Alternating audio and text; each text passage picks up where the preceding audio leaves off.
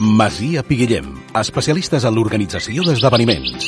Vine a Masia Piguillem i fes el teu dinar o sopar envoltat de natura i en cuina de qualitat. Més informació i reserves a masiapiguillem.com El que s'amaga rere una investigació policial és Cas Tancat, segona temporada. Pistes, persecucions, detencions, màfies, robatoris... robatoris. Estratègies per esbrinar els casos policials més recents. Tots ells surten ara a la llum. A Cas Tancat. Cas.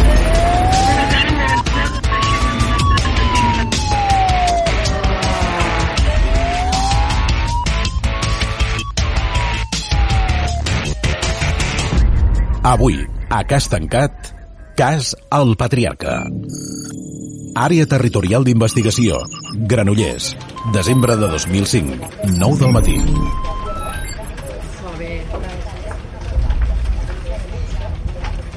El sotsinspector en cap de la Unitat Territorial d'Investigació rep una trucada. S'ha trobat un home mort al seu domicili de Sabadell. La policia local ja ha acordonat el lloc. L'investigador i el sergent de la unitat d'homicidis es dirigeixen immediatament cap al domicili de la víctima. Domicili de la víctima, Sabadell. Els investigadors arriben al lloc dels fets. Una casa amb una, amb una zona alta, d'alto standing, amb, amb pista de tennis, amb piscina, aviam, estava envoltada de jardí tota ella, de gran extensió arbrada, i era una casa, bueno, que estava molt bé. La víctima és una persona coneguda del municipi.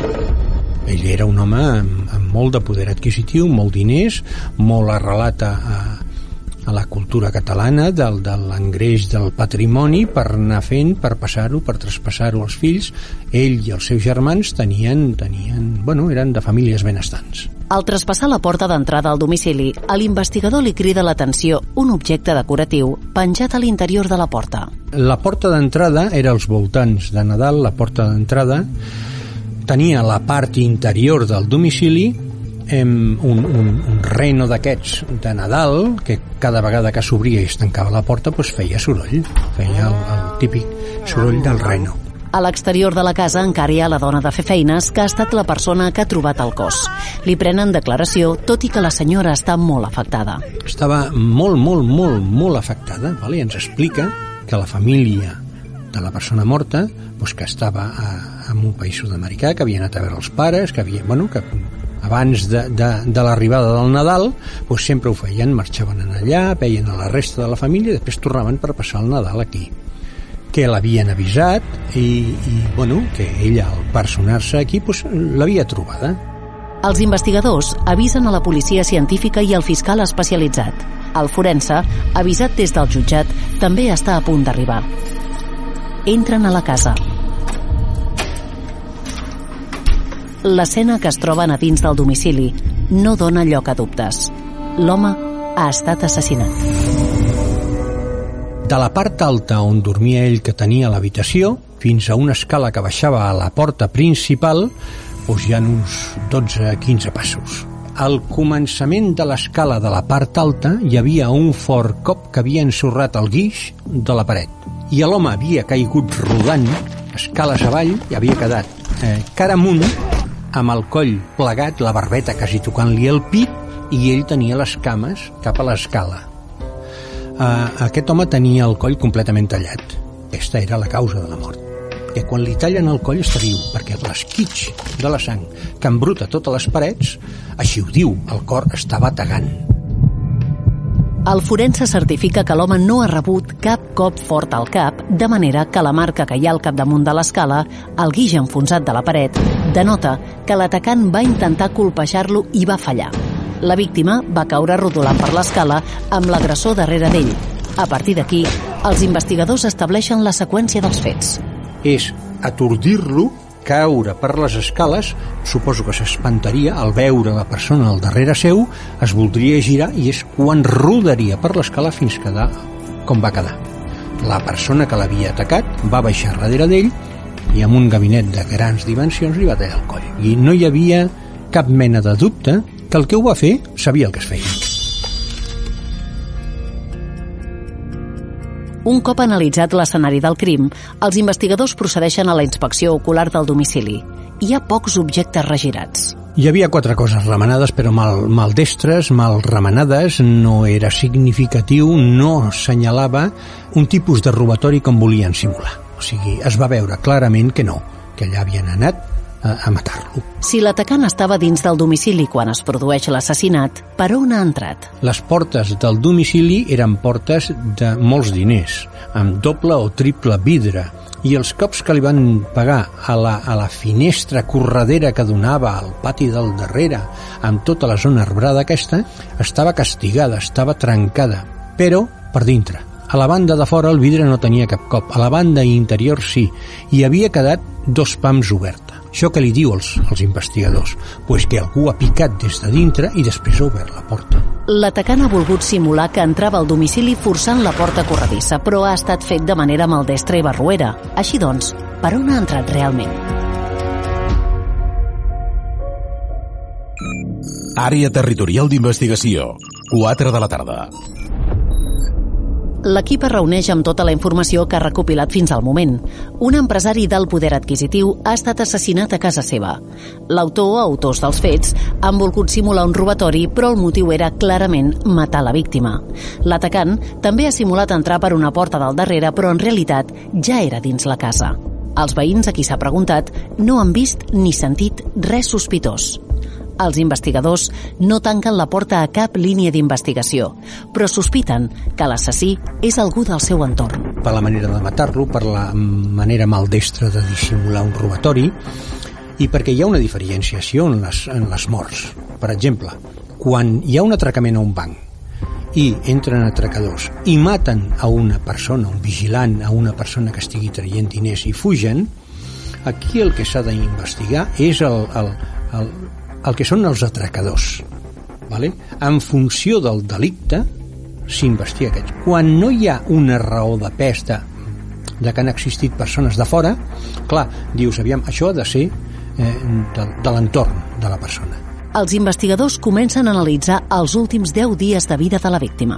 Has de preguntar a tota la família què és el que feia, el que no feia, eh, bueno, si es posava molt en la vida dels altres, si no s'hi posava, si tenia mans, si no tenia mans... Bueno, són cosetes que tens que anar-ho descobrint tot. I això es descobreix a base de declaracions de tot l'entorn de la víctima. Àrea Territorial d'Investigació. 10 del matí. L'equip s'ha dividit en tres grups per analitzar els diferents àmbits de la vida de la víctima. El primer comença per la seva família directa. Era un gran empresari, eh, arrelat eh, als voltants de, de, de Terrassa, Sabadell, amb, amb negocis varis, que viatjava molt i viatjava pues, pues, per determinats països sud-americans. Llavors aquest bon home es va enamorar d'una senyora, es va casar amb ella, va tenir dos fills i, i bueno, eh, es va preocupar de portar a la família d'aquesta senyora cap aquí, donar-los feina, posar-los negocis i, bueno, cuidar-se de, de, de tot l'entorn de la que era la seva, la seva esposa. La dona i els fills estan de viatge a Sud-amèrica, però els investigadors troben un germà de la dona que no ha marxat. Un dels primers que se li va prendre declaració era un cunyat seu que s'havia quedat aquí també per motius de feina de, de, de la seva empresa, que no podia tancar l'empresa que tenia i que es va tenir que quedar aquí. Evidentment, no ens va donar res destacable, ens va justificar el perquè s'havia quedat, evidentment l'empresa no, no es pot quedar sola. Eh, va explicar pues, bueno, que, que eh, l'agraïment que tenia cap a la persona, cap a la víctima. I aquí es va acabar. Vam esperar la, a la dona, se li va preguntar si hi havia enemics, si no hi havia enemics... Si... Bueno, tot allò que es va preguntant per veure si què és el que ha fet els últims quatre dies, tot reconstruir la vida dels 4, 5, 6 últims dies i, i crec que ja en vam tenir prou. Empresa de la víctima. Sabadell, 4 de la tarda. El segon grup d'investigació fa una visita a l'empresa de la víctima per extreure informació del seu entorn laboral. Els treballadors de les seves empreses agafem els més destacats. Evidentment, comencem per dalt si hi ha alguna cosa, algun acomiadament improcedent, alguna picabaralla, tot això s'ha de saber. Però després dels pertinents interrogatoris, els agents no troben cap fil per estirar. Feia poc havia tingut una gran festa de no sé quants anys de, de, de les seves empreses i del que es va extreure és de que tothom apreciava i respectava en aquest senyor, perquè es preocupava dels treballadors. Era, com direm, ho podem dir clarament, era un, un, un empresari dels d'abans, que es preocupaven dels seus treballadors, o sigui, s'interessaven per la preocupació dels seus treballadors.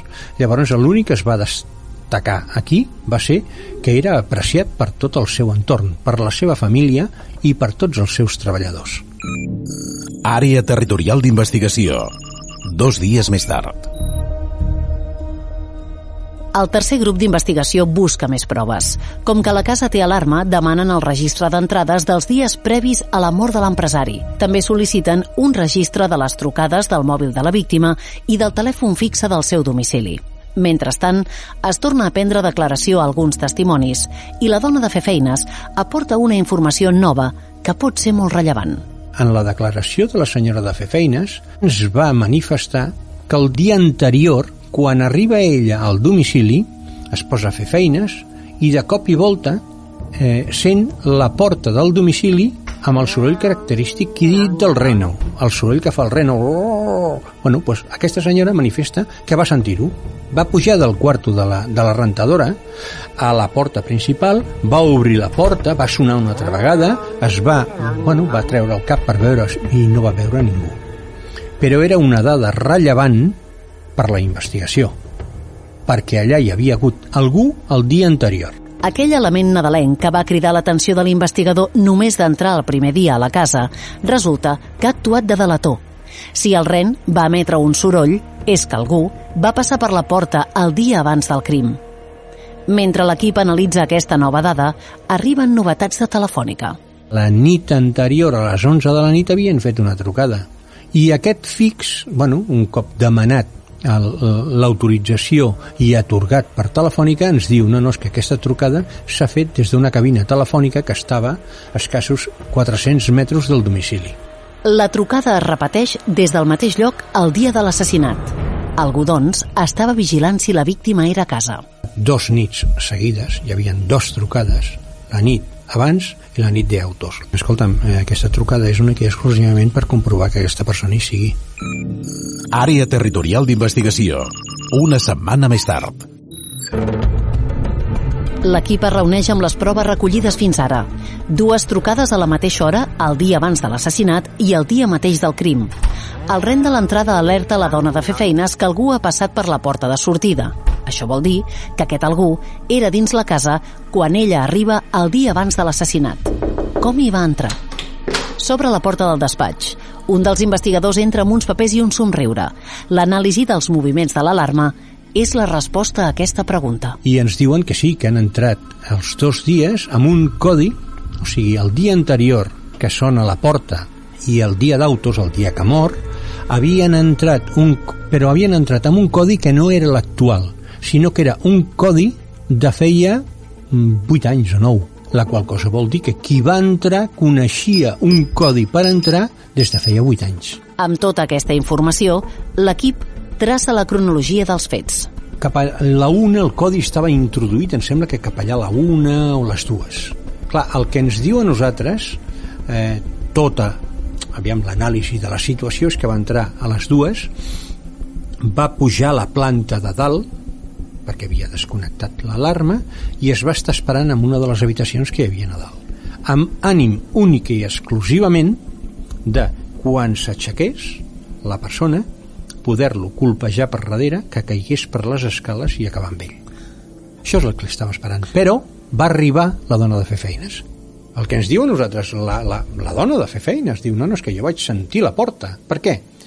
perquè quan ella va entrar ja va fer sonar la porta però ella entra, es posa la bata, el que sigui, se'n va cap a baix, a la lavadora i ja està. La persona que hi ha dalt se'n dona compte. Llavors, el que fa és baixar les escales sense portar a terme el seu pla i marxar corrents, perquè tenia un altre testimoni en allà. Llavors marxa. Aquesta és una. El dia d'autos, el dia que van assassinar amb aquesta persona, doncs passa exactament el mateix. Què és? Pujar cap a les 2, les 3 del matí després d'efectuar la trucada cap a les 11 per comprovar que ell estava en el domicili. Tornar a fer el mateix, pujar i al matí acabar amb la vida d'aquesta persona. Ja saben com s'ha fet el crim, però qui l'ha comès? Àrea Territorial d'Investigació. Sala de reunions. L'assassí forma part de l'entorn proper de la víctima, ja que coneixia el codi antic de l'alarma de la casa. Els agents desconfien d'una persona en concret, però s'ha d'anar amb peus de plom, atès que el sospitós podria marxar del país. Estàvem des del quart, cinquè dia, després d'analitzar tot, estàvem a darrere d'una persona que és del germà, del cunyat d'aquest senyor. Per el posat de la persona, per com respon a les preguntes, per com defuig la mirada, eh, casualment estava també al domicili quan va venir, quan va arribar l'esposa del mort. Estava compungit, com molt molt ferit, eh, sentat en un sofà, en lloc de donar recolzament a la teva germana, t'aïlles i... Bueno, són, són petites coses que dius, bueno, que no, que no volen dir res, eh? Però, aviam, estem buscant a l'entorn de la família, i l'entorn de la família és el que és. Uns que estan a fora, els germans que no tenen per què, i aquesta persona que estava allà. L'equip comença a fer un seguiment de l'individu i a analitzar més a fons la seva vida i els seus moviments. Tot i que l'arma del crim no s'ha trobat, descobreixen que el sospitós té accés a ganivets de grans dimensions i sap fer-lo servir. Que tingués un negoci en el que hi havia escorxador i tingués, eh, eh, bueno, que despiacés les, les peces de carn, doncs també pot tenir a veure ell tenia un negoci que tenia accés a gabinets, que, que, bueno, que tenia eh, per escorxar. Bueno, en sabia, ja està. El sospitós no té coartada. Diu que la nit de l'assassinat estava sol a casa. Els agents investiguen més a fons la seva relació amb la víctima. Aparentment, tot era perfecte. Tot menys un detall. La seva germana, la dona del mort, ens va dir que aquest bueno, havia tingut problemes amb una noia que sortia amb ella, però que el seu marit no volia, i bueno, que tenien una petita picabaralla, i poca cosa més, o sigui, tret de... El meu germà té una aventura, però el meu marit ja l'ha posat recta. Àrea Territorial d'Investigació. Sala d'interrogatoris. Els investigadors han localitzat la suposada amant del sospitós. L'interroguen. L'entrevistem, ella, que, bueno, que, que l'únic que sap ella és que estima molt amb aquesta persona i que està disposada a tot per ella, però, però veiem que és una bona persona i que, bueno, que no hi ha cap tipus de problema, que ella no vol ni destrossar famílies ni fer res, però que ella està enamoradíssima d'aquest senyor. D'aquí no la treus, ni amb ella ni, ni a la mare d'ella, que també participava de, de, de, del beneplàcit de que la seva filla estigués sortint amb una persona de diners. L'amant reconeix, doncs, la seva relació amb el sospitós, però què hi diu la seva dona? No juga cap tipus de paper ella no sap, no contesta, no a tot. Poder per protegir els, els fills. Seguint aquesta línia d'investigació, els agents conclouen que el sospitós volia estar amb la seva amant, però que la víctima, el patriarca de la família, no li ho permetia família l'església, el, això no està bé, què diran, jo sóc un potentat, jo no puc tenir eh, cunyats que es divorcien i es casen i disbauxes i coses d'aquestes. Val? Eh, hi havia un ultimàtum de que si no deixava amb aquesta senyora pues, aviam, ell havia determinat ja matar-lo. Per què? Perquè ell, sí o no, volia continuar amb aquesta senyora. Es volia divorciar i el seu cunyat no li permetia. Els investigadors tenen clar qui va cometre el crim, com ho va fer i per quin motiu. Però per condemnar algú calen proves físiques, proves que no troben. Com a proves directes de càrrec no n'hi ha. Hi ha molts indicis, però tot són un cúmul d'indicis i la por d'ell a ser descobert. Esclar, nosaltres estàvem aguantant el temps la investigació perquè és que no sortia res. Vam demanar totes les càmeres del trajecte del domicili d'ell fins al domicili de, de la persona morta no hi havia càmeres, ell no es va saltar el, els límits de velocitat, no hi havia cap prova que nosaltres poguéssim dir ja, però és que tal nit vostè va anar allà. Àrea Territorial d'Investigació Tres dies més tard. Sense proves físiques, els investigadors opten per intentar que el sospitós confessi. Nosaltres ja teníem dos tres línies d'actuació, que era mm, eh, acoso i derribo, amb diferents globus sondes per acabar, finalment, amb una detenció tècnica. Amb connivència amb Fiscalia, eh? Fiscalia estava al tanto absolutament de tot. I sabíem que tard o d'hora anàvem a parar allà. Els agents deixen anar alguns globus sonda per veure si el sospitós pica i confessa. Els dos primers no obtenen resultat, però el tercer aguantava aguantava tot, fins un bon dia que se li diu, escolta, més que aviam, tindrem que parlar amb la teva germana. A partir d'aquí, va ser un altre globus sonda, però a partir d'aquí va ser quan ell eh, es va tancar en si mateix. Suposo que devia que ja començar a rebre preguntes de la seva germana com és que t'han tornat a citar? Cada vegada anava més ensorrat sobre si mateix. Voltants de la casa del sospitós. Sabadell. Una setmana després. El sospitós surt de casa seva, però en comptes de seguir la seva rutina habitual, es dirigeix a una autoescola. En els seguiments ens donem compte de que ell, automàticament a la setmana següent, es comença a treure el carnet de conduir motos. No tenia carnet de conduir moto. Bueno, es treu el carnet de conduir motocicleta. Bueno, doncs aviam, es compra el casco, no sé què, no sé quantos. Els agents observen durant un mes com el sospitós es treu el carnet de conduir sense saber encara quin motiu hi ha al darrere. Àrea Territorial d'Investigació. Dos mesos després del crim. Sona el telèfon. És el responsable de trànsit de la zona del Maresme. El sospitós ha tingut un accident de moto. Ha mort. Ens anem, ens entrevistem nosaltres amb, amb el que és trànsit de la zona del Maresme i ens diuen és que hi ha alguna raro. I dic, bueno, algo raro, escolta, tinguem en compte que nosaltres estem investigant aquest senyor per un homicidi. I diuen, bueno, doncs ara ho entenem vale? perquè el que ens diu trànsit és que la motocicleta havia traspassat, estava baixant Maresme cap a Barcelona, direcció Barcelona i la, la, la motocicleta que portava ell es havia posat a dos carrils més a l'esquerra havia enfilat un camió i es va menjar el camió o sigui, no hi havia ni una maniobra de fugida de, de la motocicleta, manillar-tos. No, no, no, el manillar estava completament tirat endavant i doblegat, però completament recte. Clar, l'informe de, de trànsit va ser eh, categòric, diu, això és un suïcidi, aquest senyor s'ha volgut matar. La notícia enganxa en fred als investigadors i, per si no fos suficient, va acompanyada d'una informació que no s'esperen. La nostra sorpresa és que hi havien tres assegurances cap a la senyora que era la seva amant. Les assegurances s'han fet durant aquest mes en el qual el sospitós ha traçat el seu pla, un pla que acabava amb la seva pròpia mort ens vam quedar amb dos pams de nassos, aquesta és la realitat, i, i aquest senyor, per no enfrontar-se a la vergonya de tenir que explicar-li, perquè sabia que anàvem a darrere d'ell, que tard o d'hora nosaltres el detindríem, i no tenia ni intenció ni força per enfrontar-se a tota la família per la mort que havia, que havia fet. Ell va decidir suïcidar-se i eh, bueno, fer-se tres assegurances, no per la seva esposa ni pels seus fills, sinó per la seva amant. Amb tots els indicis clars, sense una confessió i amb la mort del sospitós, el cas s'ha de donar per tancat. Clar, estava tot molt ben lligat, però el que no va comptar aquesta persona és amb si mateix. Un cop es va donar compte de que tenia que donar tard o d'hora masses explicacions a la família, bueno, va determinar fer un altre pla, el pla B. Voler enfrontar-se amb la ni amb les nenes, ni amb la... O sigui, de ell era tiet de les, de les filles d'aquest home. Ni amb la seva germana, ni amb la família. Poder el, el seu ànim, la seva consciència, ha pogut més que ell.